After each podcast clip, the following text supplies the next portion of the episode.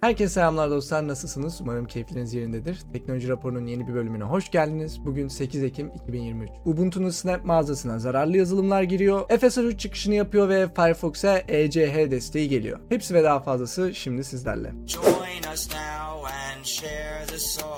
Ubuntu'nun Snap mağazasına zararlı yazılımlar girdi ve bunun sonucunda şu an Snap mağazasına uygulama kaydetmek istiyorsanız manuel onaylama beklemeniz gerekiyor. Mağazada birçok sahte kripto para uygulaması çıkmış. Nasıl olmuş bilmiyorum. Uygulamaların kendilerini de bilmiyorum. Ama işte Canonical'dan açıklama geldi. Şu an uygulamayı gönderdiğinizde bizim bir görmemiz lazım, elle geçirmemiz lazım diye. Bu arada şunu da söylemek lazım. Ubuntu'nun Snap mağazası dedim ama yani Snap kullanıyorsanız illa Ubuntu kullanmak zorunda değilsiniz. Herhangi bir dağıtımda da Snap kullanıyor olabilirsiniz. Aynı mağazadan çekiyorsunuz. Yani herkes etkileyen bir durum. Bu onaylama süreci Flatpak tarafında nasıl oluyor bu arada bilmiyorum. Hani o tarafta daha mı iyi daha mı kötü bilmiyorum. Ama Flatpak'ta henüz bugüne kadar böyle bir haberle karşılaşmadık karşılaşmayacağımız anlamına gelmez. Yani bu tarz 3. parti uygulamaların içerildiği mağazalara zararlı yazılım girebilir. 3. parti depolardan indirdiğiniz yazılımlara dikkat etmekte fayda var. Linux'ta Windows uygulamaları çalıştırmanızı sağlayan Battles'a büyük bir güncelleme gelecek. Arayüz değişiklikleri ve yeni özelliklerin yanında en büyük değişim Battles'ı ilk açtığınızda iki mod olacak. Bu iki mod arasındaki ilk mod kolay mod olacak. Tek tek şişe yönetimi yapmanıza gerek kalmayacak. Yani size otomatik bir şişe verecek ve kolay kurulum yapabileceksiniz. İkinci modsa daha çok gelişmiş kullanıcılara özel birden fazla şişe yapabileceksiniz ve kendiniz ek ayarlamalar yapabileceksiniz. Bu arada arayüz resimlerine baktım şahane gözüküyor. Belki bu güncelleme geldikten sonra yeni bir video çekebiliriz Battles için.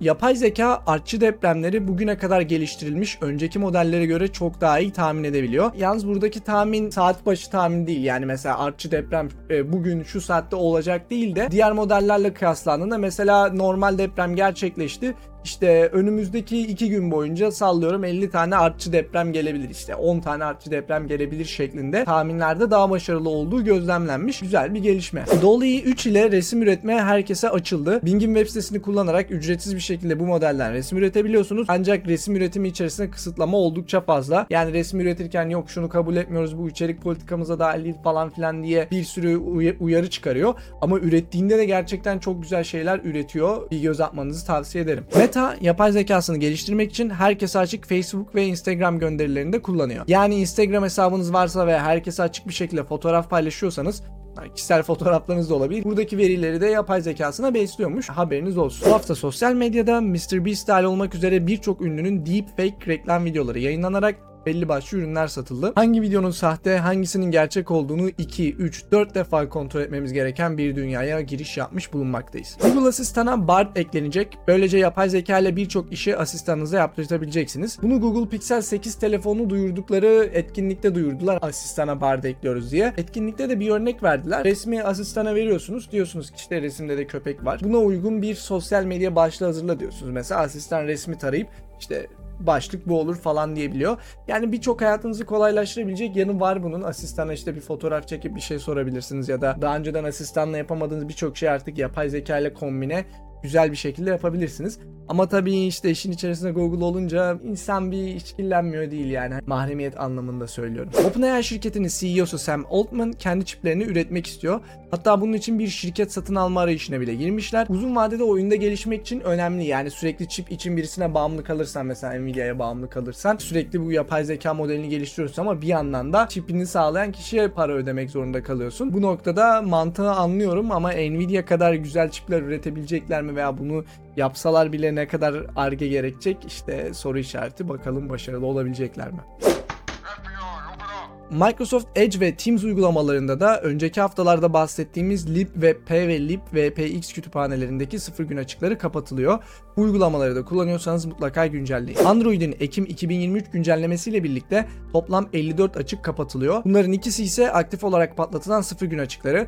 Ekim güncellemenizde mutlaka yapın. Firefox yeni sürümde varsyon olarak EC teknolojisini açtığını duyurdu. ECE sizin internette yaptığınız gezintiyi gizlemenizi sağlayan bir teknoloji. Bu konu hakkında bir videoda çekmeyi bahsetmeyi düşünüyorum ama kısaca açıklayayım. Normal şartlar altında siz bir web sitesini ziyaret ettiğinizde ilk gönderdiğiniz verilerden birisi kabul ettiğiniz şifre algoritmalarıyla birlikte yanında bir de sitenin ismi yer alıyor. Yani gönderdiğiniz, istek attığınız verilerin içerisinde bu yer alıyor. Ve işte EC teknolojisiyle birlikte bunu şifreleyebiliyorsunuz. Bir de bunun yanında DNS over HTTPS kullanıyorsanız ki kanalda onun da videosu var. İnternet servis sağlayıcınız sizin ne yaptığınızı göremiyor. Yani hem DNS over HTTPS hem EC teknolojisini kullanırsanız tıpkı bir nevi VPN kullanmış gibi oluyorsunuz. Bu kağıtta güzel ve işte Firefox'a dahil olarak geliyor bu. Ama bir sorun var. Web sunucusunun da ECH'yi desteklemesi gerekiyor. Yani sadece tarayıcıda açık olması bir şey ifade etmiyor. Bütün girdiğiniz web sitelerinde bunu desteklemesi gerekiyor. Bundan birkaç gün önce de Cloudflare bir blog yazısı paylaştı ve Cloudflare kullanan web sitelerinde EC teknolojisini aktif ettiklerini duyurdular. Yani şu an sizin siteniz Cloudflare kullanıyorsa EC teknolojisi varsayım olarak aktif edilmiş durumda ve Firefox kullanıcıları bundan yararlanabiliyor mesela. Bizim forumumuz olan btt.community'de de bu geçerli. Yani siz şu an Firefox kullanıyorsanız ve btt.community'ye eriş- erişiyorsanız kağıtta internet servis sağlayıcınızın btt.community'ye eriştiğinizi bilmemesi lazım. glibc'de bulunan bir açık sayesinde lokal bir saldırıyla root erişimine sahip olabiliyorsunuz. Açığın detayları tam olarak yayınlanmadı ve görünüşe göre bu açıktan etkilenmeyen tek dağıtım Alpine Linux. Alpine Linux'un etkilenmemesinin nedeni de GNU kütüphanelerini kullanmaması. Güncellemeler yayınlandı bu arada. Linux kullanıcıları mutlaka güncellemeleri yapsınlar. Apple'da 1.0 gün açığı daha kapanıyor. iPhone ve iPad'lerde aktif olarak patlatılan bir izin yükseltme açığı 17.0.3 sürümünde kapatıldı. Bu yıl kapatılan 17. sıfır gün açığı olduğu Apple tarafında yine Apple kullanıcılarına bu güncellemeyi yapmalarını tavsiye ediyoruz. Yapılan bir araştırmada yüzlerce Python paketinde zararlı yazılım olduğu ortaya çıktı. Artık hackerlar bir paketin kendisini hedeflemek yerine tedarik zinciri saldırısı yapıyorlar ve görünüşe göre 75 binden fazla indirmesi olan bazı paketler bile arka planda bilgilerinizi çalıyor. Bu da bir geliştirici olarak kullandığınız paketlerde ekstra dikkat etmeniz gerektiğini gösteriyor. Ama işte işin sıkıntılı yanı siz bir geliştirici olarak bir paket indiriyorsunuz. Zaten ardında 100 tane bağımlılığı olabiliyor. İşte bu büyük bir sorun ve gördüğünüz gibi hala tedarik zinciri sorunları çözülmüş değil. Geçen hafta size bir Google davası döndüğünü söylemiştim ve bu dava sayesinde Google hakkında birçok bilgiyi öğreniyoruz. Bu hafta bu konu hakkında çıkan haberlerden ilki Microsoft Bing arama motorunu bir ara Apple'a satmak istemiş. Bunun için buluşup konuşmuşlar ama sonunda anlaşmaya varılmamış. Apple muhtemelen Google'dan aldığı milyarlarca dolar parayı kesip riskli bir yatırıma girmek istemedi. Yani Bing'i alsalar onlar için riskli olacaktı. İşte kullanılacak mı, kullanmayacak mı? Kullanıcı belki varsayım olarak Google'a geri dönecek falan filan. Bunu yapmak yerine Google'dan milyarlarca dolar parayı almak daha sağlıklı muhtemelen. Bu davada çıkan son haberimiz ise Apple bir aralar DuckDuckGo ile masaya oturup gizli sekmede varsayılan arama motoru DuckDuckGo olsun diye konuşma yapmışlar. Yaklaşık 20 toplantı falan yapmışlar ama yine muhtemelen ilk haberde de söylediğim nedenlerden dolayı bir sonuca varılamamış. Çin'de bir Apple uygulaması yayınlamak istiyorsanız Çin hükümetinden özel olarak bir belge almanız gerekli. Yoksa Apple geliştirdiğiniz uygulamayı Çin'de yayınlamayacak. Yani Apple'da sonuç olarak Çin'de bir iş yapmaya çalışıyor. Yani Çin hükümetine karşı çıksa muhtemelen e, sıkıntı çıkacak onlar için. E, az çok anlayabiliyorum ama işte Apple'ın neden Android'den daha kötü olduğunu bir açıdan görmüş oluyoruz. Yani Apple'ın bir tek mağazası var ve giren çıkan her şeyi kontrol edebiliyor. Sizin yüklediğiniz uygulamayı bile hükümetten bir bildiri gelse yarın kaldırabiliyor. Sizin haberiniz olmadan sizin telefonunuzda yüklediğiniz uygulamayı kaldırıyor. Kaldı ki zaten mağazaya ne girip çıkabileceğini kendisi değiştirebiliyor ve dışarıdan uygulama yüklemek de imkansız Apple'a. Dolayısıyla bu kadar kısıtlayıcı bir şeyi kullanmak benim hoşuma gitmiyor ve Çin'de Apple kullanan birçok kişi mesela istediği uygulamaları indiremeyecek. Yarın öbür gün başka ülkelerde de Apple'ın bunu yapmayacağı meçhul. EA çekirdek bazlı anti-cheat çözümünü Battlefield 2042'ye de getiriyor ve bu da anlayabileceğiniz üzere Linux oyuncular için iyi bir gelişme değil. Yani Battle 2000, Battlefield 2042 daha önceden Linux'ta oynanıyor muydu bilmiyorum ama muhtemelen bu gelişme sonucunda oynayamayacaksınız. FSR 3, Forspoken ve Immortals of Avium oyunlarında çıkışını yaptı. İzlediğim videolarda FSR 3 Frame Generation için genel anlamda olumlu yorumlar yapılmış. Tıpkı FSR 1'deki gibi bütün oyunlarda FSR 3 Frame Generation'ı çalıştırabilsek güzel olurdu ama böyle bir şey olacak mı? En azından Windows tarafında böyle bir şeyin olacağı söylendi ama Linux tarafında olacak mı bilmiyorum. Umarım olur. Bakalım daha yeni geldi ve gelişmeleri de sizlerle paylaşacağım. Damn, son, where'd you find this? 11 ile 17 yaşındaki çocuklar arasında yapılan bir araştırmaya göre çocuklar günde ortalama 200'den fazla bildirim alıyorlar. Hatta bazıları 5000 bildirim bile alıyormuş. Dikkat dağınıklığının ana sebebi bence bu yani. Düşünsenize abi ya 5000 bildirim ne demek? Ya ortalama 200 diyoruz zaten. Ortalamayı düşünecek olursak demek ki kimileri 300-400 bildirim alıyor, kimileri 50 bildirim alıyor. Yani ben Şu an bunu hayal edemiyorum kendi hayatımda. Bilmiyorum siz ne kadar bildirim alıyorsunuz günde ya da bunun ne kadar farkındasınız ama benim telefonumda zaten bildirimler full kapalı. Mesela WhatsApp bildirimlerim kapalı. Diğer mesajlaşma uygulamalarındaki bildirimler kapalı. E-mail bildirimlerim kapalı. Yani ben sadece istediğimde açıp WhatsApp'tan bana kim yazmış diye bakıyorum. Artık şey bile tahammül edemiyorum. Yani telefonum kenarda duyuyor, tak bildirim geliyor. Birisi beni aradı, birisi bana yazdı. Buna bile ben tahammül edemiyorum. Kaldı ki hani 5000 bildirim almak, 200, 300, 400 bildirim almak muazzam bir dikkat dağınıklığı yaratıyordur kesinlikle. Siz ne kadar bildirim alıyorsunuz ortalama düşününce yorumlara yazın bakalım. Çin'de bir yazılımcı VPN kullandığı için 144 bin dolar ceza yedi. Bizi Çin'den VPN ile izleyen dostlarımız var biliyorum. Aman dikkat edin. Yeni çıkan bir araştırmaya göre hamilelikte şekersiz kola tüketimiyle doğan çocuğun otizmli olma riski arasında bir korelasyon bulundu. Şekersiz koladan kastım İngilizce'de diet soda diye geçiyor. Bilmiyorum Türkiye'de bunun tam olarak karşı olmadığı için şekersiz kola diyorum. Genelde teknoloji raporunda teknoloji hakkında şeyler konuşuyoruz. Bilim hakkında da şeyler konuşuyoruz ama bu haber RSS akışıma düştüğü için yine paylaşmak istedim sizlerle. Bilmiyorum yani izleyenler arasında hamilelik geçiren birisi var mıdır ama bir kişinin işine bile yarasa iyi bence. E, dolayısıyla paylaşmak istedim. Bu tarz e, şekerli içeceklere ben zaten hep temkinli yaklaşıyordum. Bu araştırmada bir sorun olduğunu gösteriyor. Microsoft yapay zeka geliştirmek için kendi ufak nükleer reaktörlerini yapmak istiyorlar. Bunun trend haline gelmesini istemem. Düşünsenize bir sürü özel şirketin böyle nükleer reaktörleri var. Zaten hepsi her gün ekleniyor yani görüyoruz burada eklenme haberlerini ki Microsoft bile defalarca eklendi. Daha geçen haftalarda konuşuyorduk e, anahtarlarını çaldırdılar defalarca. Yani kafamızda nükleer reaktör patlamasa bu şirketlerden dolayı iyi. Tabii şey bilmiyorum bu bahsettikleri ufak nükleer reaktörler ne kadar riskli işte normal bildiğimiz büyük nükleer reaktörleri kıyasla ne kadar riskli onu da bilmiyorum. Ama Microsoft gibi şirketlere böyle bir şey verilecekse sıkı regüle edilmesi gerekiyor bence. Benim nedense güvenesim gelmiyor yani. Bazı forum üyelerimizin raporlarına göre YouTube Türkiye'deki kullanıcıların da reklam engellemesine izin vermemeye başladı. Konuyu açan dostumuz uyarıyı gördükten sonra izlemeye devam etmiş. Yine bir sorun çıkmamış ama ekrana reklam engelleyici kullanmayın bildirisi geliyormuş. Sizde durumlar ne? Size de çıkmaya başladı mı ve reklam engelleyicinizde sorun çıkarıyor mu?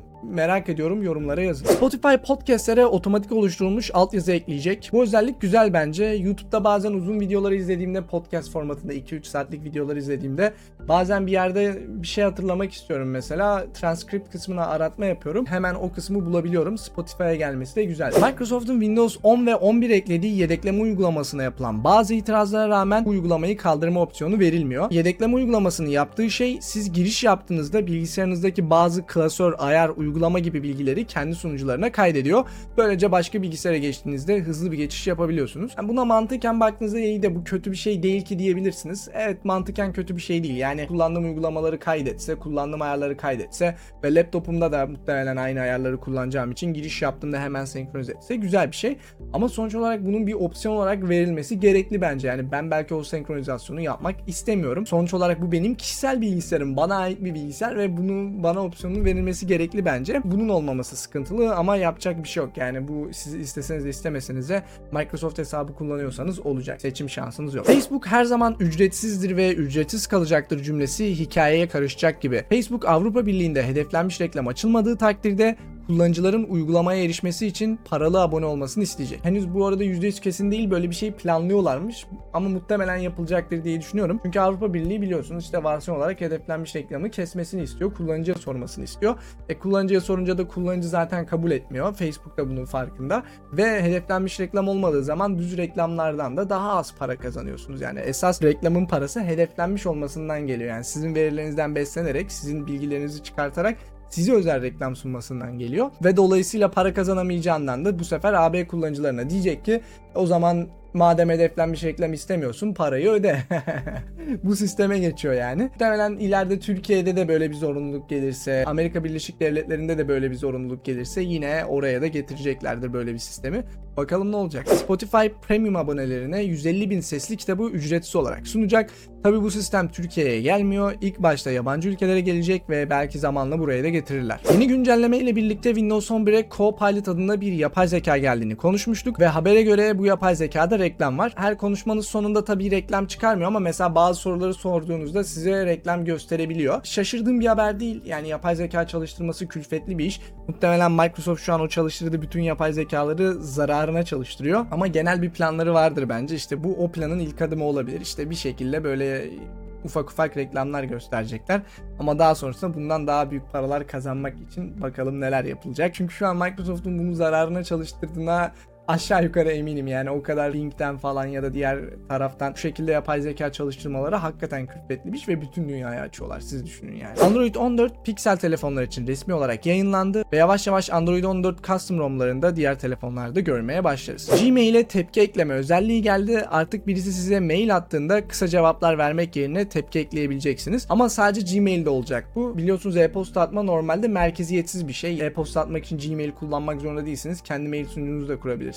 Ama bu özellik sadece Gmail'e geldi. Tabi bunu Gmail bildiğim kadarıyla açık bir standart yapmadı. Belki açık bir standart yapsa diğer e-posta uygulamaları da bunu entegre edebilirdi. Bilmiyorum belki de ileride diğer 3. parti e-posta uygulamalarına da gelir bu özellik. X platformunda eski adıyla Twitter'da bir bağlantı paylaştığınızda artık makalenin başlığını ön izlemede göstermeyecek. Bu yine Elon Musk'ın isteklerinden birisi ama bunun kötü yanı görme engelliler için artık ön izleme başlıklarının okunamayacak olması. Biliyorsunuz görme engeller ekran okuyucu kullanıyorlar ve işte siz web sitesinde dolanırken size okuyor linkse link diyor işte ön izleme kısmındaki başlığı falan da okuyabiliyor.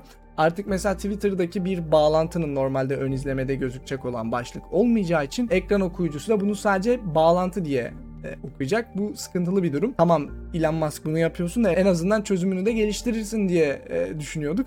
Ama şunu da unutmamak lazım. Musk geçen yıl sonbahar ayında Twitter'ın erişilebilirlik takımını yani özellikle bu işle uğraşan takımını da işten çıkarmıştı. Özellik çıkarıyorsun ve insanlara zarar veriyorsun sıkıntılı. Bu haftaki teknoloji raporunda sonuna geldik. Her zaman olduğu gibi haberler ve yorumlarım hakkındaki düşüncelerinizi aşağıda bekliyor olacağım. Ve podcast dinlemeyi seviyorsanız teknoloji raporunu podcast olarak da bulabilirsiniz.